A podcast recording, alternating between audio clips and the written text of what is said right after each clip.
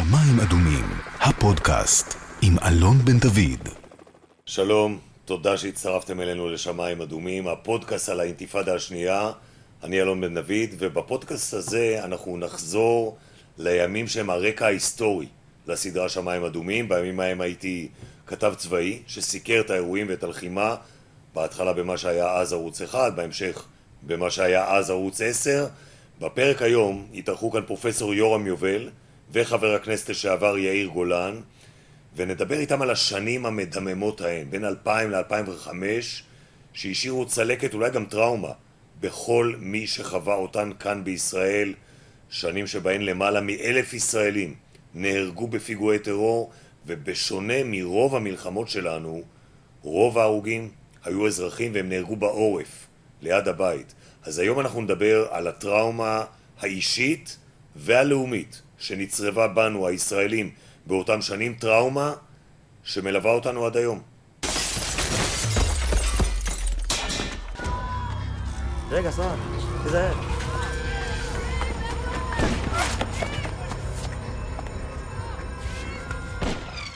שלום פרופסור יורם יובל. יורם, שלום, שלום אלון. פסיכ... נעים פסיכיאטר, פסיכואנליטיקאי, חוקר מוח מהאוניברסיטה העברית.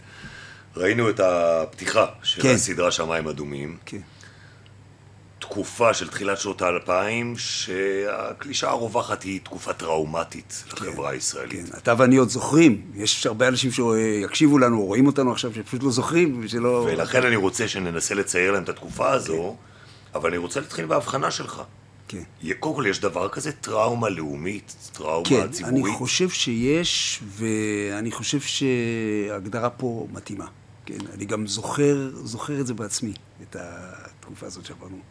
כשאנחנו, כשאני אומר טראומה ציבורית, אני מדבר, לא כן. מדבר על אנשים שחוו בעצמם פיגועים, אלא על, על הציבור. כן, כן, אני חושב. תראה, חלק מההגדרה של פוסט-טראומה זה לא רק אם זה קרה לך, אלא אם נחשפת. ה- כשאתה קורא בספר ההגדרות, ה-DSM, ספר ההגדרות של האבחנות הפסיכיאטריות, אז כתוב נחשף לאירוע.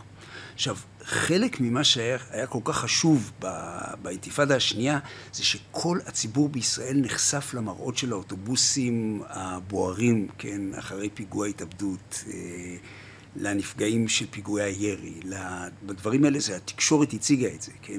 ואני חושב שלזה היה אפקט אדיר. יש קלישאה שאומרת, אה, חייל זה איש עם רובה, כן? מחבל זה איש עם רובה ולידו איש עם מצלמת וידאו.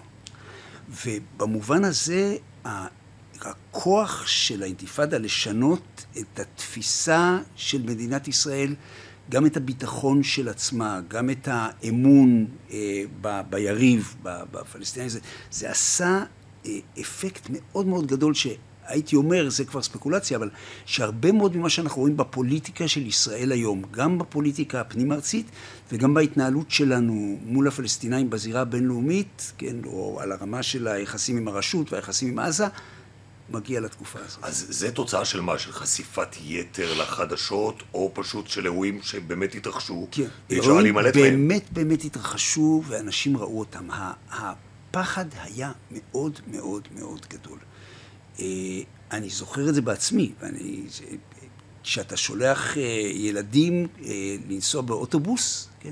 ואתה לא יודע איך הם יחזרו.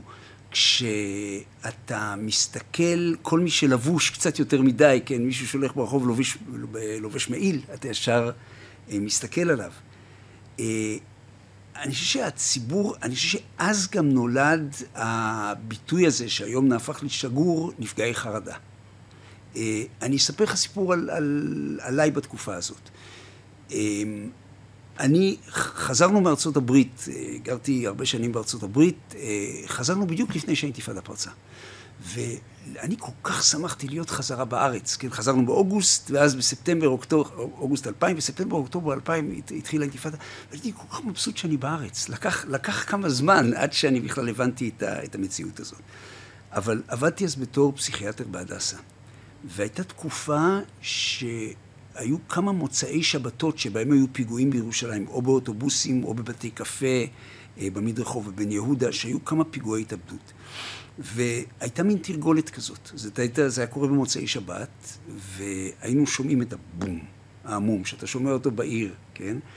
אה, ואז עוד לפני שראית משהו בחדשות או ככה, היית שומע את האמבולנסים, כן? ואז האנשים שהיו קשורים לפסיכולוגים, פסיכיאטרים של המחלקה בהדסה, ששם עבדתי, פשוט היו נכנסים לאוטו ונוסעים להדסה ומחנים את האוטו ליד המיון ומחכים. ובהתחלה היו מגיעים האמבולנסים עם הפצועים יותר קשה שהיו הולכים לטיפול נמרץ.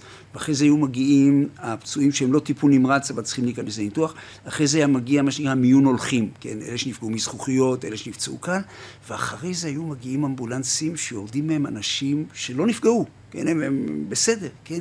והם בהלם, והם לפעמים בוכים, לפעמים ברעידות, אה, לפעמים לא מדברים בכלל, ואלה היו אותם נפגעי חרדה. והם היו מגיעים באמבולנסים, ו... ובהם היינו צריכים לטפל. והיינו, לא, הרעיון היה לנסות עד כמה שפחות להכניס אותם למיון הגדול, כן? ששם גם הם לא יקבלו את הטיפול הנכון, וגם הם תופסים מיטה שמישהו שהוא פצוע... נפגע חרדה כזה, כמה, כמה אחרי זה הוא ממשיך ללוות אותו? אה, זה בדיוק מה שמשתנה. תראה, בלילה הראשון, אחרי שמישהו היה עד ראייה לכזה פיגוע, אף אחד לא ישן. כן? רוב האנשים יחזרו לעצמם, והאמת היא שבגלל האינתיפאדה היו לנו סטטיסטיקות על זה, של אנשים שהיו נגיד נוכחים בקניון שהיה בפיגוע ולא נפצעו פיזית. אז אנחנו יודעים שבימים הראשונים, כן, זה מאוד שכיח, נדודי שינה, סיוטים, אה, עוררות יתר, ואחרי זה זה לאט לאט דועך. אבל יש תת קבוצה שזה 15 אחוז, 20 אחוז מהאנשים שאצלם זה לא יחזור. שאצלם, שהם יישארו בעוררות יתר, ואלה האנשים שאחרי חודש נקרא להם סובלים מפוסט-טראומה. והרבה מאוד ממה שאנחנו ניסינו לעשות אז באותן שנים, זה לנסות לזהות בתוך כלל האנשים שמגיעים אחרי שהיו נוכחים שם, ואו שהם לבד עלו על האמבולנס או שמישהו לקח אותם והם ירדו, מי הם אלה שיהיו בסדר, כן, שזה הרוב, ומי הם אלה שיכולים לפתח תסמינים והם צריכים מעקב יותר, אה, יותר הדוק. אה, סתם קוריוז מעניין, אחד הדברים שגילינו בדיעבד, זה שהדבר שניבא הכי טוב את המי מהאנשים האלה, כן, אה, שהגיעו למיון, אחרי זה יחזרו אלינו לפוסט-טראומה, זה היה הדופק שמדדו האחיות כשהם השתחררו מהמיון. זאת אומרת, כשכל אדם מגיע למיון, לוקחים לו לחץ דם דופק. כן? וכשמשחררים מישהו מהמיון, כל אחד גם כן לוקחים לו לחץ דם דופק. כמה זה ירד? ראינו, כן, שאלה שהדופק שלהם בשחרור היה 95 ומעלה, כן, זה שהיו בעוררות בשחרור, זאת אומרת שלא הורידו את הדופק שלהם תוך כדי השהות שלהם במיון, אלה כמעט כולם חזרו אחרי זה עם פוסט-טראומה. אז אני רוצה לשאול אותך על הדופק הציבורי. כן. על אותם אינדיבידואלים שמרכיבים את הציבור, אבל שלא חוו את המגע הישיר, ועדיין האימא הזאת, שהייתה עושה כל יום הערכת מצב, כבר היה פיגוע, לא היה פיגוע, כן לשלוח את הילד, קניון בסדר, כן, קולנוע כן, לא בסדר, כן, מה עדיף? כן. תראה, איזה, איזה אפקט יש לזה עליה? יש לזה אפקט שאני חושב שאנחנו רואים אותו עד היום. כשאתה מדבר עם אנשים, ויצא לי לדבר הרבה, אה, גם בחדר הטיפולים, עם אנשים שנכחו בתקופה הזאת, נשאר בהם משהו עד היום, כן? אלה שהיו אז. אלה אנשים, אה, צריך להבין, הביטחון האישי בישראל הידרדר כמו שזה לא היה קודם. ישראל כבר עברה דברים שנהוג להסתכל עליהם בתור טראומות, למשל מלחמת יום כיפור. אבל במלחמת יום כיפור העורף היה בטוח לגמרי. וגם במלחמות שבהן העורף אה, הופצץ, כמו מלחמת ההתשה, עמק בית שאן, אה, מלחמת ששת הימים בירושלים, היו מעט נפגעים באופן יחסי. פה אנחנו מדברים באינתיפאדה השנייה על מעל אלף ישראלים ש, שנהרגו, שרובם היו אה, אזרחים, כן? זה היה בערך אחד לשלוש היחס בין אזרחים לחיילים שנהרגו באינתיפאדה השנייה. הדבר הזה והידיעה שזה יכול לקרות לך בכל מקום, אה, אה, הפכו את הישראלים לחסרי תחושת ביטחון בבית שלהם, כן? עם השכנים, עם האנשים שקודם הם קיימו איתם קשרי מסחר, אה, קשרי עבודה. אה, כי לא ידעת מאיפה זה בא. כן, לא זה לא אזעקה ורוץ למקלט ואולי זה יתפוס אותך. לגמרי, לגמרי. תראה, אותו דבר בדיוק קרה מהצד השני, זה צריך להבין ש, שהרי רוב האנשים שישבו ב, ביהודה ושומרון ובעזה לא השתתפו בפיגועי טרור. אולי היו אוהדים לזה בליבם, אולי אבל לא... אבל הרוב לא, כן. כן, כן אבל, אבל, אבל הם קיבלו, התגובה הישראלית גם כן הייתה, הייתה קשה, ואני חושב ששם באמת נקרא משהו, או התקלקל משהו, אה, אה, שמאז עדיין לא לגמרי תוקן. אני אידיוט מוחלט בפסיכיאטריה, אבל פוסט-טראומה מוגדרת כדיסאורדר, כהפרעה, כן, נכון? כן, כן. הפרעה, מה הסימפטומים של הפרעה לאומית כזו? אני חושב ש... עוד פעם, זה, זה צריך להגיד, אה, עם זה לא בן אדם, כן? עם זה, זה אוסף גדול של אנשים. אבל אני חושב שאתה רואה אצלנו, בעקבות הדבר הזה, אה, איזושהי חוויה של... אה, אה, אה, חוויה מחדש של, של הדברים שקרו, שזה בעצם הלוז של הפוסט-טראומה. העובדה שעברה חוויה, כן, היא נגמרה, עכשיו פחות או יותר הכל בסדר, אבל זה חוזר אליך. זה חוזר אליך כשאתה לא רוצה להיזכר בזה. הזיכרונות, אנחנו קוראים לזה זיכרונות חודרניים. כן? שהזיכרונות מבליחים, מפציעים לך בתודעה, זה יכול להיות בצורת סיוטי לילה, זה יכול להיות בצורת פלשבקים, וזה יכול להיות סתם שאתה נזכר בזה כשמשהו מזכיר לך את זה. ושוב, בגלל החשיפה התקשורתית הגדולה, כן?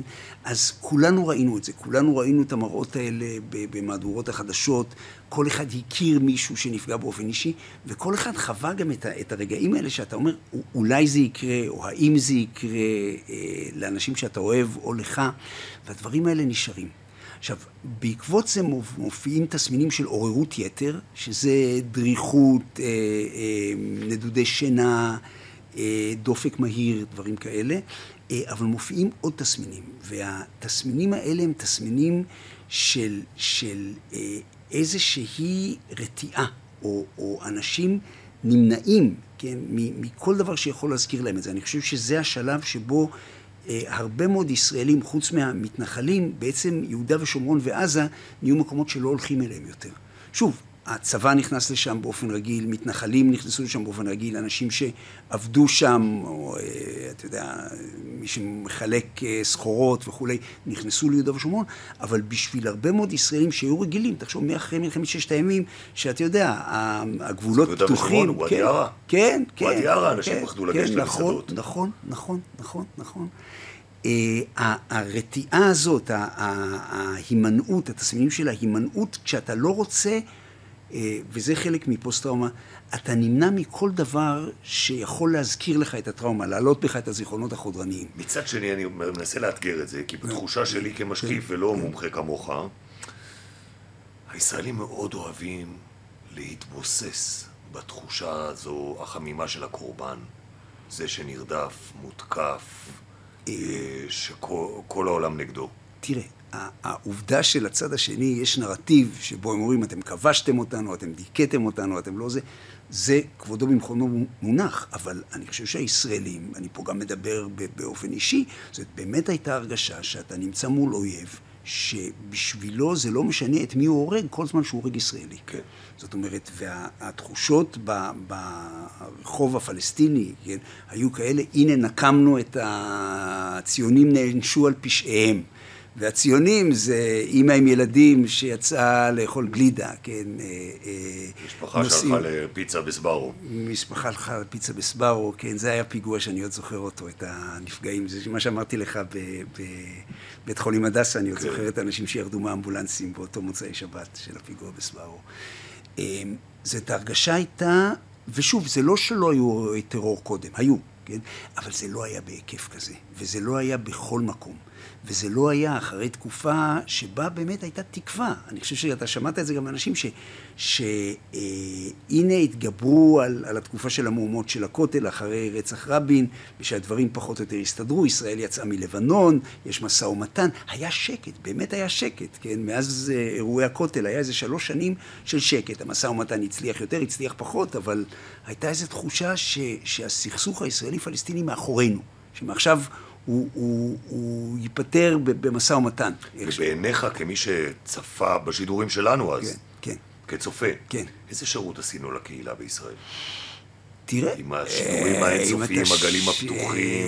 אני חושב שהגדלנו את הטרנד. אני חוזר למה שאמרתי קודם. עוד פעם, אני חושב שאתה יכול להאשים את התקשורת. התקשורת לא צריכה להציג איזה עולם מדומיין. לא מאשים, אבל אבל, סתם. אבל, אבל האם זה הגביר את הטראומה? אין ספק שכן. אין ספק שכן. הגל הפתוח והעובדה שאתה כל נמצא בדריכות, ו- ואתה, גם כשאתה לא רואה, אז אתה שומע את, ה, את הכתב, מה שאתה אומר, "אה, המראות כאן קשים, קשים מאוד, ואז אתה מתחיל לדמיין, כן? ו- ושוב, המראות של האוטובוסים. המראות של האוטובוסים, אה, אה, הצעקות, הצפירות של האמבולנסים, גם מי שלא היה נוכח, שלא, שלא הייתה לו חשיפה ישירה, בעצם נחשף. כן? ו, והדבר הזה בלי ספק מגדיל את האפקט. אתה יודע, כמי שמסקר את התחום הזה, הביטחוני בישראל המון שנים כבר, לפעמים יש לי תחושה שאנחנו, יש לנו קצת בעיה דו-קוטבית, זאת אומרת שאנחנו לא יודעים להיות באמצע, אנחנו ב, או באיזה אופוריה ואומניפוטנציה של כמה אנחנו גדולים וחזקים, או כמה אנחנו מסכנים, חלשים וקורבנות, וזה כל הזמן נע בין שני הכתבים ואתה האלה. מחפש את שיקול הדעת. אתה יודע, זה, זה נורא קשה, כי אנשים לא נהיים, לנוכח מראות כאלה, אנשים לא, נהיים לא הגיוניים. ואותו דבר גם נכון בצד השני. זאת אומרת, אנחנו אה, לא, אני חושב, לא מספיק נותנים את הדעת למה נחשפה האוכלוסייה האזרחית ביהודה ושומרון, בעזה, בבית ג'אלה. עכשיו, שרובם לא היו הצלפים שירו על גילו, אבל הם היו אלה שחטפו מגיל, אה, אתה יודע, את ה- את הטילים אה, שלפעמים פגעו בול, לפעמים פגעו ליד. אה, והתחושה שלהם גם כן שאין שום מקום בטוח ושהחיים שלהם הם בסך הכל הפקר. וההבנה הזאת, כן, כש, כשהיא יורדת אצלך, כן, אז אני חושב אתה מרגיש קורבן, או לפחות קורבן פוטנציאלי, אה, זמן מאוד ארוך אחרי זה. אני חושב שיהיה צריך, הצעדים בוני האמון והיכולת להחזיר את זה, זה, זה ייקח הרבה מאוד זמן. זה ייקח הרבה מאוד זמן. אה, אני חושב שעוד דבר קרה, אם, אם אתה זוכר, ההתחלה של, של אירועי האינתיפאדה, זה היו המהומות של ערביי ישראל, ששם נהרגו עשרה או אחד עשר, 12, כן. 12 אה, ערבים ישראלים, אזרחים ישראלים שנהרגו מ- מירי של משטרה. אה, אה, אני חושב שהדבר הזה גם כן, זה הביא לשבר עמוק באמון של ערביי ישראל, שגם כן לא התאושש עד עכשיו. ואתה יכול לראות אותו, נגיד, מבחינה פוליטית, שערביי ישראל בעצם, או לפחות הנציגים שלהם, לא כל כך מבחינים, כן, מחמוד, אה, מנסור עבאס היה הראשון, כן, שהיה מסוגל לעשות בריתות עם מפלגות ישראליות ציוניות. אבל אה, הרשימה המשותפת ככזאת, כן, שבעצם לא כל כך הבדילו בין הימין והשמאל הציוני, בין הימין והמרכז, אמרו, כולכם איומים, כן, אה, שזה גם כן מגיע לת- לתקופה הזאת שפתאום אתה מרגיש שהחיים שלך הם הפקר. ואני חושב שבמובן הזאת לא היה מגזר אחד בישראל, יהודים, ערבים, חרדים, אה, תל אביבים, מתנחלים, ש... שיצא לא שרוט מהעניין הזה. אתה יודע, זה מיד מפתח זרות וניכור מהאחר, לאחר, מה- מהשכן. לגמרי, אתה. יודע, אני זוכר את הבת שלי חוזרת איזה יום מנסיעה באוטובוס, והיא אומרת לי, אבא, מאחורי ישבו שני ערבים, דיברו בערבית כל הדרך, ואני הייתי בטוחה שהם הולכים לעשות פיגוע. אמרתי לה, אבל אולי הם דיברו על כדורגל. כן. אולי הם בכלל דיברו על כדורגל. אבל השפה כבר הייתה מאיימת. כן, לגמרי. זה לגמרי. הכרחי, או כמי אה, שעבד אז בבית חולים, שיש בו תמיד צוותים משולבים, כן. אפשר להימנע מזה. תשמע, זה היה נכון אפילו, זה, העניין עם בתי החולים נכון אפילו עכשיו. וחשוב נורא להגיד שבשנה, שנתיים, עכשיו אנחנו גולשים מהסדרה, אבל אפילו בשנה, שנתיים האחרונות, שבאמת נגיד מאז אירועי שומר החומות, אני יכול להגיד לך שוב, בתור מישהו שעובד בבית חולים, שהאווירה של האחווה והשיתוף בתוך בתי החולים זה היה איזה מין, זה עד היום, זה מיקרוקוסמוס שבו כאילו כולם, כן, מבינים שזה לא העניין. ואני מדבר פה לא רק על, ה, על האנשי הצוות, כי הצוות הרפואי מעורבב לגמרי, כן? רופאים יהודים נותנים הוראות לאחיות ערביות, אה, אה, רופאות ערביות נותנות הוראות לאחים יהודים, זה, זה הכל מעורבב, אבל זה גם ברמה של הצוות הרפואי. כי אם היה, ואני עוד זוכר את זה, בשנות התשעים, מצב שבו לפעמים אה, מאושפז, אה, מאושפז יהודי היה מוצא את עצמו בפני רופא ערבי ואומר, אני לא רוצה שתיגע בי, והיו דברים כאלה.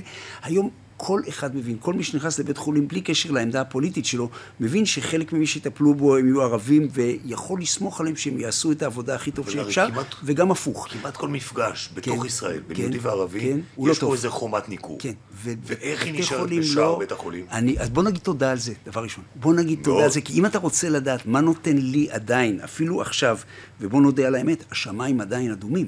זאת אה, אנחנו לא יכולים להגיד שבאנו אל המנוחה והנחה, בכלל לא. זה כשאני מסתכל איך יהודים וערבים יכולים להסתדר אחד עם השני בבתי חולים. זאת אומרת, כשאתה רואה שיש מקום שבו באמת בלי הבדל של השקפה פוליטית, אתה יכול לראות אה, אה, אחות ש, שהיא מתנחלת, נותנת את הנשמה שלה, כן, בשביל ילד פלסטיני, כן, שמי יודע מה ההורים שלו חושבים עליה, ו, ו, ו, וגם להפך. זאת אומרת, זה באמת איזה מקום שבו אפשר לשים את זה רגע הצידה. אני חושב שהאתגר שלנו בתור חברה זה איך לדעת לייצא את זה החוצה. כן, אה, ושוב, וראינו את זה גם בזמן האינתיפאדה, שיש כל כך הרבה מנהיגים שיש להם מה להרוויח מליבוי הסכסוך וליבוי השנאה, אה, שזה כמעט בלתי נמנע. ויש תחושה, והסדרה נוגעת בזה, אני חושב, בצורה מאוד מעניינת, היא מראה גם את הצד השני, גם את הטרוריסט, אבל היא מזכירה... בן אדם. הוא בן אדם, יש לו כן. אימא שאוהבת אותו. כן. יש לו ילדים שהוא אוהב אותם. כן. הוא, הוא אבא טוב כן, לילדיו. ושהוא לא מפלצת. הוא לא מפלצת, לא. וישראלים, כן. הרבה מאוד לא יכולים לשאת את זה. אני יודע מה קורה כשאני מדווח כן, על, על הביוגרפיה של איזה מחבל. כן. ואני מספר על, על תולדות חייו, מה הוביל אותו, איזה יחסים היו לו. לא, הם לא מוכנים לא לשמוע על זה. רוצים לשמוע, אתה רוצה תן את ה- לי, הוא מחבל, פה הוא איבד את כן, האנושיות שלו. אז, אז הנה בוא אני אספר לך. אה, יש תיאוריה בפסיכולוגיה שיש הרבה ראיות לנכונותה, שנקראת תיאוריית ניהול האימה, כן? מה זה תיאוריית ניהול האימה? זו תיאוריה שעומדת, ושוב, יש לה הרבה מאוד אה, ראיות, שכשאנשים חווים, אם אתה לוקח אנשים רגילים לגמרי, ואתה גורם להם בכל מיני אמצעים, אתה אומר, תכתוב חיבור על, על השעה האחרונה בחייך, איך אתה מדמיין שאתה תמות. או אתה מזכיר להם דברים שקשורים במוות, ואז אתה בודק את היחס שלהם לבני הקבוצה שלהם ולבני קבוצה אחרת, אתה רואה שזה מהדק את הקשרים שלך עם בני הקבוצה שלך, וזה הופך את בני הקבוצה האחרת, גם אם אין להם שום קשר לעניין הזה של המוות, אה, שממו הרגשת מאוים, אתה רואה אותם יותר כזרים, כעוינים, אתה מוכן לעשות יותר דברים נגדם, אתה פחות מוכן לשמוע על האנושיות שלהם. הייתי אומר שבתקופת האינתיפאדה השנייה, כן? שבה באמת, זה לא מצחיק, זאת אומרת, החיים של ישראלים אה, הורגשו כהפקר, ו- ובאמת היו מספרים של נפגעים אזרחיים במספרים שלא היינו רגילים אליהם. אה, אני חושב שגם אצלנו וגם אצל הערבים אה, נהייתה קיצוניות מאוד מאוד גדולה. שמאוד קשה להחזיר אותה אבל- היום. אבל זה לא, ואז אתה לא מוכן לראות את השני בתור בן אדם. כי למה? כי זה מאיים עליך? כן, אתה, אתה לא מוכן, אתה כועס עליו, אתה רוצה, זה הרבה יותר קל כש, כשאתה מאוים, כן? קשה לראות ניואנסים. קשה מאוד לראות ניואנסים. היכולת להכיר אדם אחר במלוא המורכבות שלו, אה, יכולת שתלויה בזה שאתה לא תהיה בעוררות יתר, שלא תהיה בהצפה רגשית. וכשאתה בהצפה רגשית, כל היכולות האלה, שיש לאנשים, נגיד, במקום העבודה, כן? להכיר את המישהו אחר, להכיר את החיים שלו, להכיר את המשפחה שלו וכולי, כל הדברים האלה כבר לא משחקים. אולי יש משהו בגנום התרבותי שלנו כיהודים שמושך אותנו אל עמדת הקורבן, כעם שפעם בשנה בליל הסדר משנן, שבכל דור ודור עומדים עלינו לכלותנו, בעצם שמים את עצמנו כנרדפים תמידיים. אה, אני חושב שזה קיים אצלנו, והרבה כתבו על הדבר הזה. אני חושב שזה היה נכון לאורך כל ההיסטוריה היהודית ולאורך 140 שנות ציונות בארץ ישראל. אני חושב שבאינתיפאדה השנייה, כן, זה היה נכון תמיד, אבל אני חושב שבאינתיפאדה השנייה קרה משהו שהעצים את זה. והדבר הזה נשאר אה, אה, עד היום. אני חושב שאחד הדברים שאנשים חוו זה שצה"ל העצום, זו תמיד הייתה לנו הרגשה, אנחנו נצליח להתגונן, אנחנו נשמור על הבית, בעצם ההבטחה הזאת קרסה. זה צה"ל, מטבע הדברים, כשיש לך מפגע שהוא מתאבד, בשורה התחתונה אף אחד לא יוכל לעצור אותו. מי שמוכן למות, כן, זה נכון תמיד, כן, מי שבאמת מוכן למות, אי אפשר לעצור אותו, כן, או יהיו מקרים שבהם לא תוכל לעצור אותו. ואני חושב שכאן אתה קורא לזה קורבנות, אבל אני חושב שזה בעיקר תחושה של פגיעות מאוד גדולה, שנשארה אצלנו, שנשארה אצלנו. אז אני לא בטוח אם זה, אם זה ספציפית קשור לזה אני שאנחנו שומע לפעמים יהודים. את הטון שלנו. כן. אנחנו מדווחים, הייתה עכשיו דקירה בעיר העתיקה. אירוע חמור, קשה, מצער. הוא לא מנדנד את יסודות המדינה. הוא לא מערער את קיומנו. אה, הוא אירוע קשה, מצער, אבל הוא מטופל ומדווח. אתה לגמרי צודק, אתה לגמרי צודק. אנשים מפסיקים לשמוע בהיגיון. אני חושב שכשאייזנקוט, כשהיה רמטכ"ל, אמר שהוא לא רוצה שחייל ירוקן מחסנית בכל ילדה בת 16 עם מספריים, קפצו עליו, כן? כן? זה היה אמירה מקוממת מאנשים. מה זאת אומרת? זה אויב, כן? אה, אז אני חושב שאם, ועוד, אני לא מצדיק את זה, אבל אם אתה רוצה להבין את זה, תבין שבשביל מי ששומע את הדיווח על ילדה בת 16 עם מספריים, כן, הוא רואה אוטובוס מפוצץ. הוא רואה בדמיון שלו אוטובוס מפוצץ, הוא אומר לאנשים... זה יישאר שם תמיד?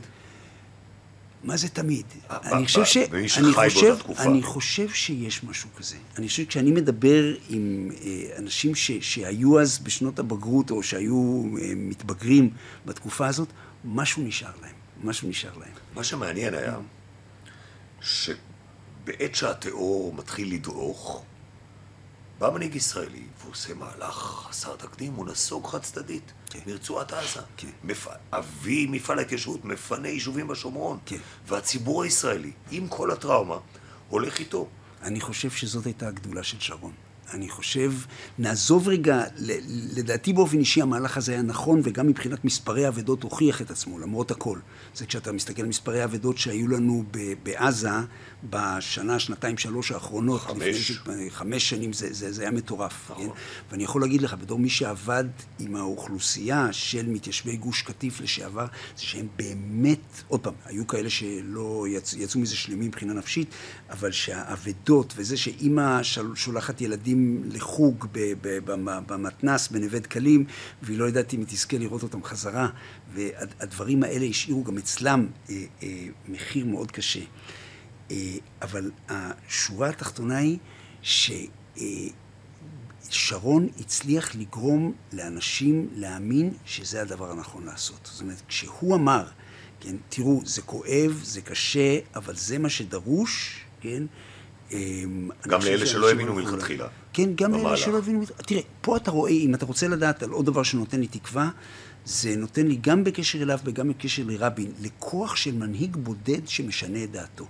לכוח של, אה, אה, אנחנו מחכים כמובן, שכמו שהיה להם את סאדאת, כן, שעשה את זה על אמת, כמו שהיה את חוסן, שמה? ולנו היה את בגין שהיה מסוגל גם כן, כן? אני חושב שפה האכזבה הגדולה הייתה מערפאת, כן? שלא באמת, עכשיו אנחנו יכולים לדעת, כשאנחנו יודעים גם מה קרה, שהוא לא באמת שינה לא. את דעתו. זאת אומרת שהוא היה ונשאר טרוריסט עד, עד יומו האחרון. כן? אבל, אבל כשאתה רואה את הכוח של אנשים כמו סאדאת, כמו בגין, כמו רבין, כמו שרון, כן? לא רק לשנות את דעתם, אלא באמת להוביל מהלך בציבור, שהציבור, עם כל הקשיים, כן, בסך הכל רוב הציבור הולך אחריו, אלה דברים שעוד נותנים לי תקווה. כל, כמעט כל הדוגמאות שהזכרת באו לאחר הטראומה. נכון. הלכנו למלחמת יום כיפור, נכון. כאבה לנו מאוד, ניצחנו ניצחון צבאי בסוף המלחמה, כן. ונסללה הדרך לשלום. כן. בעצם משני הצדדים. כן. דיממנו 18 שנה בלבנון, בא מנהיג ואמר, אני מוציא אותנו וזהו זה, כן. נגמר. דיממנו באינתיפאדה, בא מנהיג והוציא אותנו מעזה. כן, כן, נכון. זאת אומרת, נכון. אתה יודע, ישב אה, אחד המרואיינים הפלסטינים ואמר, אתם מבינים רק כוח. כשלוחצים אתכם, אתם זזים. כן. אני חושב בתור מי שהיה גם בלבנון וגם בעזה, אני באמת ראיתי את זה קורה, כן? ש, שהצבא כבר לא יכול להבטיח את הביטחון האישי בדרכים. כן? זה המצב שבו בסופו של דבר, כשאתה מתחיל להשתריין, וכל תנועה זה בשיירות וכולי. אנשים לא זוכרים, אבל בראש קטיף הייתי מסתכל על הילדים שעושים לחוג, כי עם טנק שמלווה אותם. לגמרי. נוסע טנק, על אמת, נוסע טנק, כן, כן, כן, למיניבוס, כן, לגמרי. נוסע טנק, ואתה כן. מסתכל על זה, אתה אומר, אי אפשר לחיות ככה, זה לא הגיוני. כן, כן. תראה, אנשים חיו ככה, אבל שילמו על זה מחירים מאוד גבוהים. בעידן הטכנולוגי של היום, בשלל המידע שמציף אותנו, היא עוד יכולה לצמוח מנהיגות מהסוג שדיברת עליו? אני מאמין שכן.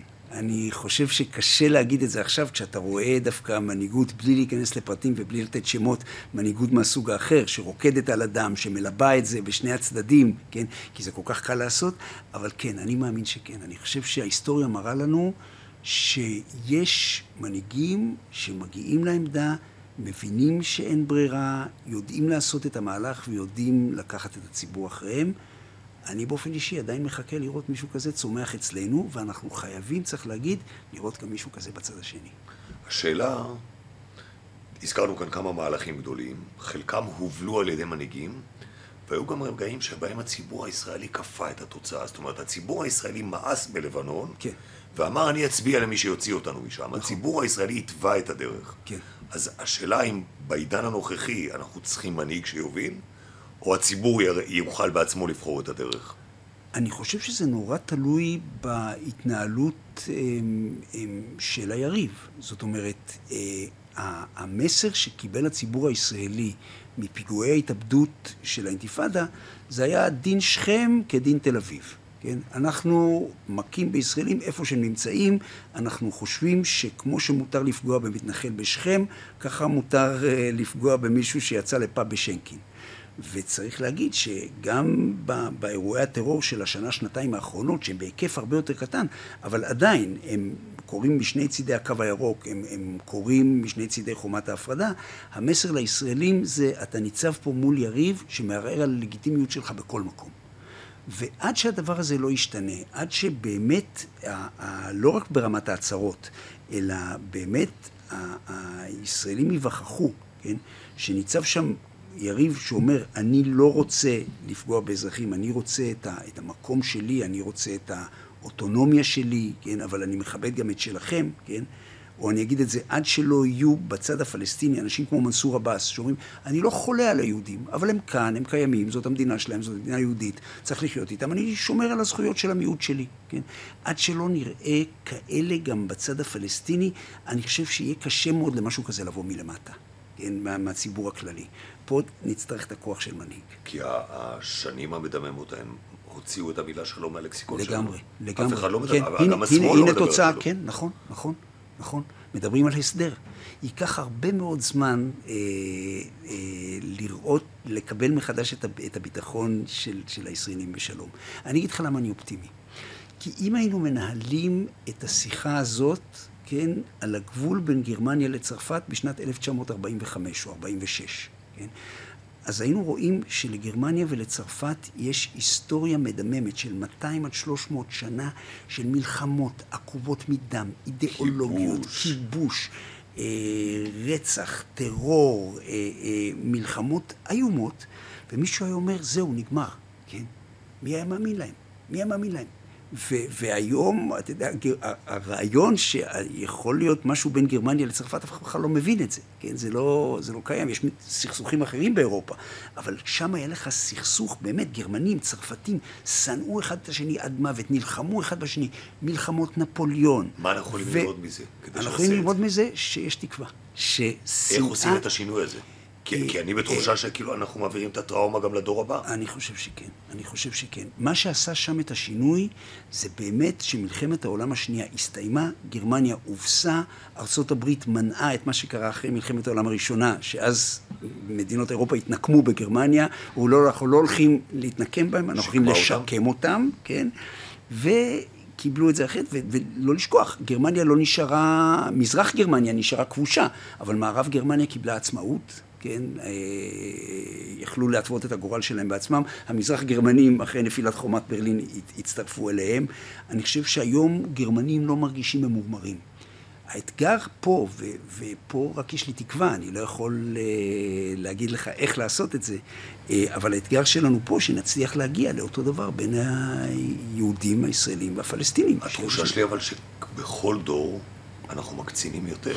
זאת אומרת, אני מסתכל היום על, על החיילים שמשרתים בצבא, שהם הם כבר לא זוכרים את האירועים האלה כי הם היו... כן, הם היו ילדים, ילד- הם בכלל תינוקות, נולדו. פעוטות. כן, כן. וההקצנה שלהם זה כאילו הם ינקו את הטראומה מהוריהם ו... וליבו אותה עוד יותר. כן, אני חושב שזה נכון. אה, ממה שאני שומע זה גם נכון בצד השני. כן? הדברים האלה יש להם מחיר, החיכוך היומיומי הזה יש לו מחיר. אה, אני אבל חושב שזה הפיך. אני בצד חושב... השני יש תיאוריה כן. ש... שזה לוקח דור. 67 הפלסטינים בטראומה נכבשו. כן. 20 שנה אחר כך, גודל דור חדש, אינתיפאדה ראשונה. כן. 15 שנה אחר כך, 2002, דור חדש, אינתיפאדה שנייה. כן. 20 שנה מאז, והנה אנחנו שוב בגל טרור. כן, כן, כן, כן. אני חושב אבל, כן, אם, אם תחשוב על, על אירועי אוסלו, ששוב, יש אנשים שרואים בהם אה, אסון, אבל אני חושב שהם פתחו פה איזשהו פתח שבסופו של דבר אני חושב יהיה הפתרון של הסכסוך הישראלי-פלסטיני. כי זאת להרבה המפות פחות זה- יותר, כן, המפות פחות או יותר כבר שם, יודעים פחות או יותר את אבל הגבולות. הרבה ישראלים, החוויה של אוסלו, כן, ומה שבא אחר כך, סגרו את הפתח הזה. תשמע, מה אני יכול להגיד? למרות שאני מאלה שיש להם תקווה, אני בטח לא יכול להאשים מישהו שאחרי האינתיפאדה השנייה אומר, תראו, תראו מה קורה, כן, נתתם להם רובים, נתתם להם זה, תראו מה הם עושים, כן. זו טענה שיש בה אמת, כן.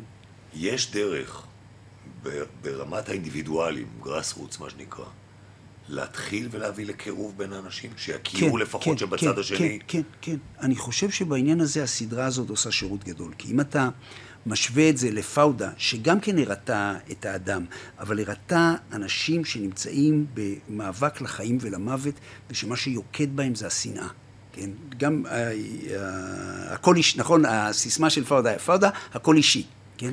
אני חושב שבסדרה הזאת, מהמעט שראיתי, יכולת לראות שהדמויות אה, מצוירות בניואנסים האנושיים שלהם. זאת אומרת שאתה יכול לראות את האויב ולראות בו בן אדם. ואני חושב שזה חלק נורא נורא חשוב מלהיות מסוגלים לצאת מתוך הטראומה הזאת, להתאושש. אני חושב, אתה יודע מה, עכשיו כשאני מדבר איתך, אני לא חשבתי על זה קודם, אני חושב, מה שקורה לך בבית חולים, כן, בין אם אתה יהודי ובין אם אתה ערבי, אתה, אני יכול לדבר לך בתור איש צוות, אתה רואה בסופו של דבר את הבן אדם בלי הבגדים שלו, אתה רואה אותו רועד מפחד, אתה רואה אותו מתפתל בכאבים, אתה יודע, אתה רואה את האנושיות שלו, זה בעצם מה שרואים בבית חולים. ומערומיה. כן, ומערומיה, כן, לגמרי במערומיה. ומצד שני, אתה גם רואה מי בא לעזרתך. אתה מבין? זה את ה- אני חושב ששם, לא חשבתי על זה קודם, אבל עכשיו באמת אני חושב, אולי זה לא מקרה שזה בבית חולים, כן? ששם אתה באמת באמת יכול לראות את האחר, כן? במערומיו, כן? מקום שבו אין במ- מסכות. כן, כן, במיטה לידך, כן, עם, עם, עם המשפחה שלו, עם הפחדים שלו, עם החששות שלו, עם התקוות שלו. אולי זה מה שיציל אותנו. אולי אני נדע יום אחד ללמוד מהמיקרוקוסמוס כן, הזה. כן, כן, כן. פרופסור אינ- יורם אינשאללה. יובל, תודה תודה, רבה. תודה. היה מרתק. לדבר איתך. תודה. את המרואיין הבא אני מכיר עשרות שנים, ואולי אני מכיר צד אחר שלו שרובכם פחות מכירים. שלום יאיר גולן. שלום וברכה. אלוף במילואים, חבר כנסת לשעבר מטעם מרץ. אמ, אני חושב שברוב הציבור הישראלי מסתכלים עליך כשמאלן, או היום כבר אין כמעט שמאלן, הכל זה שמאל קיצוני. אבל מי שהכיר אותך בשירות הצבאי, זוכר קצין לוחמני, וקצין שהיה אחד הדוחפים לכניסה לשטחים הפלסטינים בחומת מגן. לגמרי. איך זה מתיישב? למה הס- הס- שמאל הוא לוחמני? הסברה המוטעית, המופרכת הזאת, שהימין זה המחנה הלאומי, הוא לא מחנה לאומי, הוא מחנה אנטי-לאומי, סלח לי שאני מערב פוליטיקה. אה, והסברה שהשמאל אה, מסרב להילחם על ביטחון ישראל, אין לו שום אחיזה במציאות. אני, כשצריך להילחם, אני נלחם בעוז והכי חזק שאפשר. אבל אני מודע לכך שהמעשה המלחמתי הוא לא תכלית, הוא לא תכלית בפני עצמה. אמצעי. אתה תמיד צריך לשאול את עצמך מהי התכלית המדינית. האמרה המפורסמת של קלאוזוויץ, שאין המ- אין המלחמה אלא המשך המדיניות באמצעים אחרים, היא אמירה נכונה. ואני תמיד שואל את עצמי איזה מדיניות אני משרת. כאיש צבא, גם כשהייתי במדים, שאלתי את עצמי איזה מדיניות אני משרת. מהי, מהי התכלית? לאן זה צריך להוביל? סתם להקיז דם? זה פשוט פשע נגד העם שלך עצמך. ליל הסדר, אה, 2002, מרץ 2002, אתה שומע על הפיגוע. ו- זוכר את הלילה הזה מצוין, אה, מקבל הודעה תוך כדי הסדר, אה, מסיים את הסדר, לא מחכה שאף אחד, דרך אגב, רק אומרים לי שהיה פיגוע. לא אומרים לי שהוקפצנו, לא שום דבר. גומר את הסדר, אורז את הצ'ימידן, נוסע לבית ליד, ברור לי שזהו, זה נגמר. מתי אתה מקבל את הפקודה? מגיע לבית ליד, ונדמה לי, אל תתפוס אותי במילה, דקות או אולי שעה וחצי אחרי זה כבר אנחנו מקבלים את הפקודה, וברור שהולכים ל... למבצע רחב היקף. ולאן אתם הולכים? אני, המסע שלי, של חטיבת הנחל בחומת מגן, מתחיל אה, בכיבוש רמאללה, לאחר מכן ביטוניה, המצור על אה, בית הבמאס. אה, משם אנחנו למעשה מוקפצים, אה, מטה החטיבה על גבי יסעור, ושאר החטיבה מוקפצת לג'נין, אחרי הברוך שם וההסתבכות בג'נין. ואני מכניס ללחימה בתוך מחנה הפליטים ג'נין את גדוד 932 ואת הפלס"ר.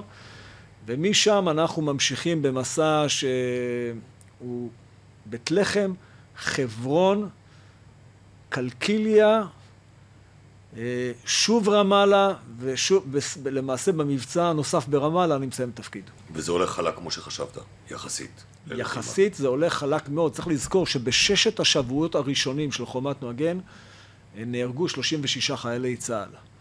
כמובן כל אחד עולם ומלואו, אבל באופן, אבל באופן יחסי לעוצמת החיכוך, להיקף הסד"כ שהופעל, אה, צריך לומר שזה היקף נפגעים אה, נמוך מאוד. אז אתה נכנס לרמאללה, אתה לא גורר איתך שיירה של ריו חללים. ממש לא. זאת אומרת, ברור לך שזו משימה שיכול להיות שיהיו בה נפגעים, אבל לא מרחצנים. צריך לזכור ששבועיים לפני חומת מגן, אני עשיתי כבר מבצע בדרום רמאללה. עכשיו, בתוך כדי כל המסע הזה, אתם עושים את חומת מגן, ואז ממשיכים בעוד מבצע, ואנחנו ממשיכים להתפוצץ. בתל אביב, בירושלים, בחדרה, בחיפה. אני, אני לרגע לא השליתי את עצמי שזה יהיה זבנג וגמרנו. אני לא יודע מי יראה את הפודקאסט הזה או את הסדרה הזאת.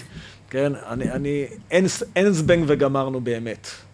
כל תהליך כזה של לחימה בטרור, זה לוקח זמן. וברור שיש המון מה לטהר, ויש תשתיות טרור, טרור נרחבות ביותר, ולכן זה ייקח זמן, וזה אכן לוקח זמן. צריך לזכור שגם אחרי חומת מגן עוד היו לא מעט פיגועי התאבדות, ולמעשה אה, אני יכול להגיד שאני חוזר ליהודה ושומרון כמפקד אוגדת איו"ש בשנים 2005-2007 ואני זוכה רק במחצית 2007 להוריד את רמת הפיגועים לזו שהייתה לפני האינתיפאדה. אבל אתה יודע, אמר לי אחד המג"דים של אה, חומת מגן, אמר לי, תקשיב, אנחנו נלחמנו אז בערים. קנינו למדינת ישראל 20 שנות שקט, והנה אנחנו 20 שנה אחרי, שוב בגל של אלימות פלסטינית, שוב מתמודדים עם אותן תופעות. נגזר עלינו? לא, ממש לא נגזר עלינו. Uh, השאלה היא לא, אנחנו רגילים בחיים הפרטיים שלנו אולי uh, לפתור בעיות, אבל כשאתה מנהל מדינה אתה יוצר מגמות יותר מאשר פותר בעיות. ומדינת ישראל למעשה צריכה להכריע מה היא רוצה להשיג בזירה הפלסטינית. ויש פה רק, בראייה ארוכת טווח, מכאן מאה שנה קדימה, יש פה רק שתי אפשרויות. או סיפוח או היפרדות. וצריך להבין את זה.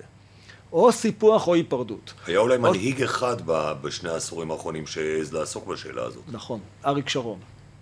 לא רק, גם אהוד אולמרט, רק הוא לא זכה לממש. לכן זה לא רק אחד. אבל צריך להיות ברור, או שזה הולך לסיפוח או שזה הולך להיפרדות. בעיניי, סיפוח זה סוף החלום הציוני, זה חיסולה של מדינת ישראל, אנחנו נתפורר מבפנים. אין לי ספק בעניין הזה.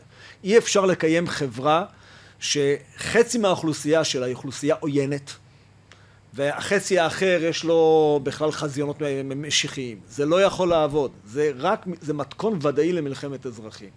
לכן צריך להבין, לשמור על אחדות עם ישראל ואזרחי ישראל מחייב חלוקת הארץ. אין שום ש... ברירה אחרת. שהימים הקשים ההם, המדממים של תחילת שנות האלפיים, הם שמובילים את שרון להכרה הזאת? חד משמעית. אני יכול להגיד לך יותר מזה.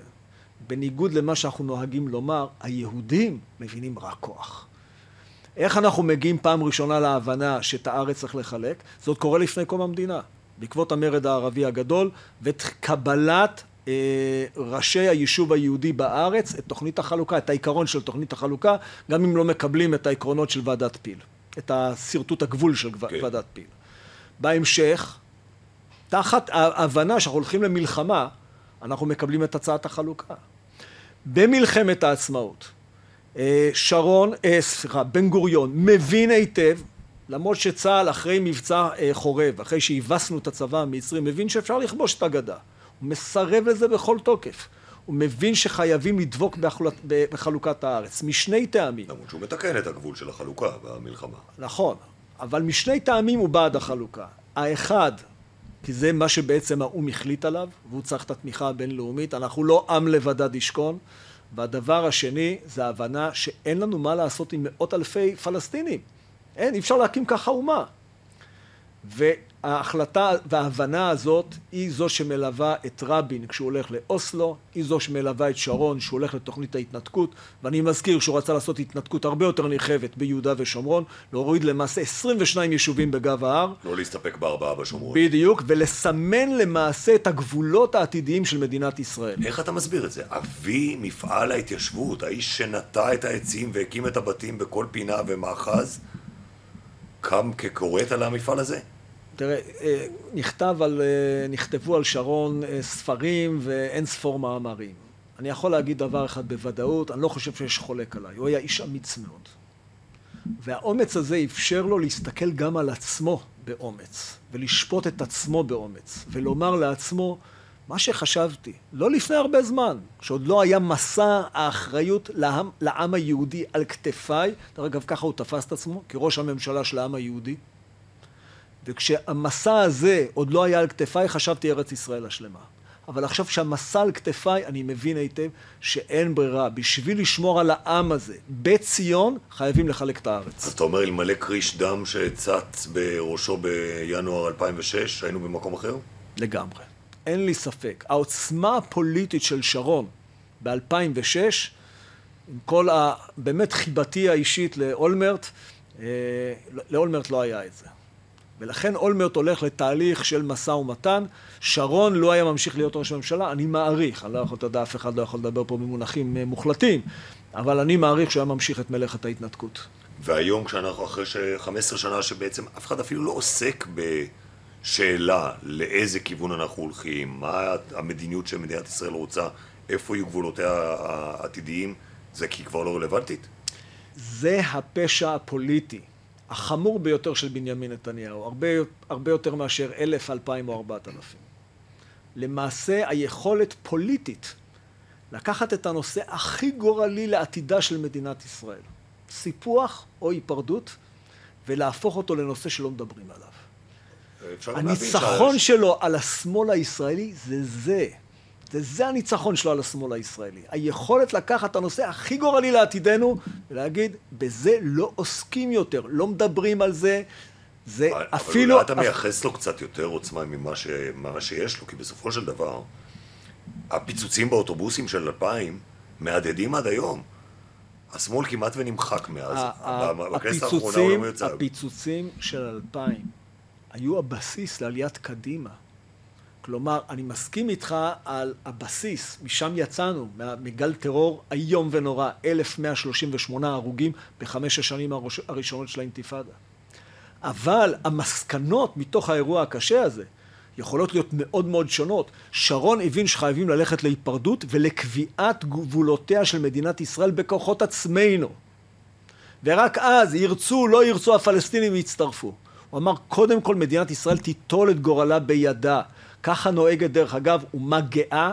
אם היה לנו מחנה לאומי אמיתי במדינת ישראל, דרך אגב זה בעיניי מחנה השמאל, זה מה שאני מנסה לעשות היום, צריך לקחת את גורלנו בידינו ולקבל הכרעות.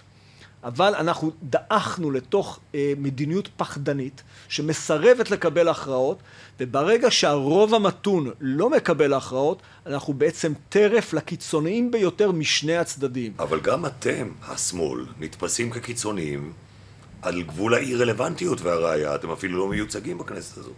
אני רוצה לומר לך, אה, עברנו תהליך נורא של אה, השמצה, ביזוי ושיסוי, נכון. אבל אני מייצג עמדה שהיא בעיניי עמדה ציונית מובהקת. פטריוטית מובהקת כפי שהייתי כל חיי. אז אולי התפקדת למפלגה הלא נכונה. לא נכון. אני חושב שאנחנו צריכים לדבר בשפה של היפרדות מהפלסטינים, של נטילת אחריות בידינו.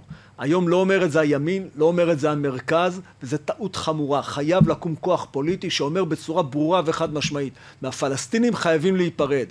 כי אם לא ניפרד מהפלסטינים, אנחנו נאכל את עצמנו מבפנים. או שהציבור הישראלי, כמו שאמרת קודם, שמבין רק כוח, צריך עוד טראומה בשביל להגיע לזה. אני מקווה מאוד שלא. אני נלחם על כך, אני נלחם על גורל הילדים שלי, וכבר אני יכול להגיד הנכדה שלי, אה, כדי שלא נצטרך לעבור עוד טראומה אה, מסוג של גל טרור איום ונורא, כדי לקבל את ההכרעות הנכונות. אתה חושב שתקום מנהיגות שתהיה מסוגלת לקבל החלטות כאלה? אני מתכוון להיות שם. כי בינתיים נראה שהמנהיגות שקמה היא בצד שכנגד. אני התחלתי לעבוד. והיא קובעת עובדות בשטח. אני חושב שזה האסון הגדול ביותר של ישראל. הסכנה הכי גדולה לישראל היא שמי שישתלט על המדיניות שלה זה גורמים משיחיים שלמעשה מנותקים מההוויה המקומית, האזורית והעולמית, וגוררים אותנו פשוט לעברי פי פחת. אבל אתה רואה את החקיקה שהם מנסים להוביל, מה שהם קוראים רפורמה, ואחריהם קוראים הפיכה משטרית. היא גם נועדה באיזשהו מקום להנציח סיטואציה שבה לגמרי. אנחנו מספחים את יהודה ושומרון. התכלית מבחינת סמוטריץ' ורוטמן ובן גביר, כל הסיפור של הרפורמה המשפטית או ההפיכה המשטרית נועד לדבר אחד, לכפות על אזרחי ישראל, לא משנה מה דעתם, מציאות של סיפוח, מציאות של עתידית של מלחמת גוג ומגוג, שבמסגרתה סמוטריץ' יוכל לת... לממש את תוכנית ההכרעה מ-2017. הרי הוא לא מסתיר את עמדותיו, ואני מזכיר מה זה תוכנית ההכרעה. לפלסטינים יהיו רק שלוש אפשרויות. או לחיות תחת שלטוננו כנתינים, אני לא מכיר דרך אגב עם כזה שמוכן להיות מושפל לנצח, או להגר מכאן, או להילחם בנו. האם זה העתיד שאתה רוצה לילדיך, זה בטוח לא העתיד שאני רוצה לילד... לילדיי. אתה יודע, 56 שנה שאנחנו שולטים ביהודה ושומרון. והעולם עוד איכשהו מקבל את האנומליה הזאת, כי שמנו לה איזושהי מעטפת משפטית. נכון. הרי בסופו של דבר, אם נפרק את המעטפת המשפטית, אז זה כמו לכרות את הענף שעליו יושבת ההתיישבות ביהודה ושומרון. לגמרי, אבל זה בדיוק התוצר המדהים של פנאטיות. פנאטים הם לא אנשים רציונליים, אין מה לעשות. וברגע שאתה, מה שנקרא, מכוון את המדיניות שלך היום, שישראל בסופו של דבר, גם את זה אמר סמוטריץ', צריכה להיות בגבולות התנ"כיים של מהנהר הגדול, נהר הפרת, ועד נחל אל-עריש, אז שמע, אתה מנותק מהמציאות, בהגדרה. אז תן לי לסיום את הסיבה לאופטימיות. אני חושב שרוב אזרחי ישראל מבינים שאין ברירה אלא להיפרד מהפלסטינים. רוב אזרחי ישראל, אני, אני אומר את זה לא סתם כאיזה אילוזיה או כאיזה משאלת לב. אני זוכר את התמיכה הגורפת שהייתה בשרון ובתוכנית ההתנתקות. לא מההתחלה. היא התגבשה עם הזמן. אני חושב ש... אבל זה על רקע שזיכרון טרי, זיכרון טרי מאוד של האינתיפאדה השנייה. וגם על רקע מנהיגות מאוד דומיננטית. אין ספק, אבל אני חושב שרוב אזרחי ישראל, כשאתה שם בפניהם את האופציה של בין סיפוח וידיעה שהילדים שלהם והנכדים שלהם והנינים שלהם יצטרכו לעסוק, אותן, לעסוק באותן, באותה מלאכת שיטור נוראית לבין ההיפרדות מהפלסטינים והסיכוי, לא ודאי, שזה יביא לאיזשהו תהליך של פיוס ולהתקבלות שלנו כאן במרחב המסוכסך הזה, אני חושב שרוב אזרחי ישראל יבחרו בתקווה ולא במלחמת גוג ומגוג, ולכן צריך להילחם על זה. אני בספק, אני חושב שהרבה יגידו לך, תשמע, את ה experiment הזה כבר ניסינו, וזה לא עבד טוב. צריך להפיק לקחים מה experiment שעשינו, ובואו נעשה את זה טוב יותר. אסור שדרך המימוש, שגם היו בה שגיאות, אני הראשון להודות בזה, שגם אם היו בה שגיאות, צריך לזכור שהעיקרון היה נכון, והעיקרון הנכון הוא היפרדות ולא סיפוח. סיפוח של מיליוני אנשים שעוינים אותך, זה מעשה של טירוף לאומי. אלוף יאיר גולן, תמיד מעניין לדבר איתך. תודה רבה. תודה רבה. עד כאן הפרק הראשון שלנו, הפודקאסט שמיים אדומים זמין באתר ובאפליקציית רשת ובטלוויזיה החכמה וגם בספוטיפיי ובאפל פודקאסט. 13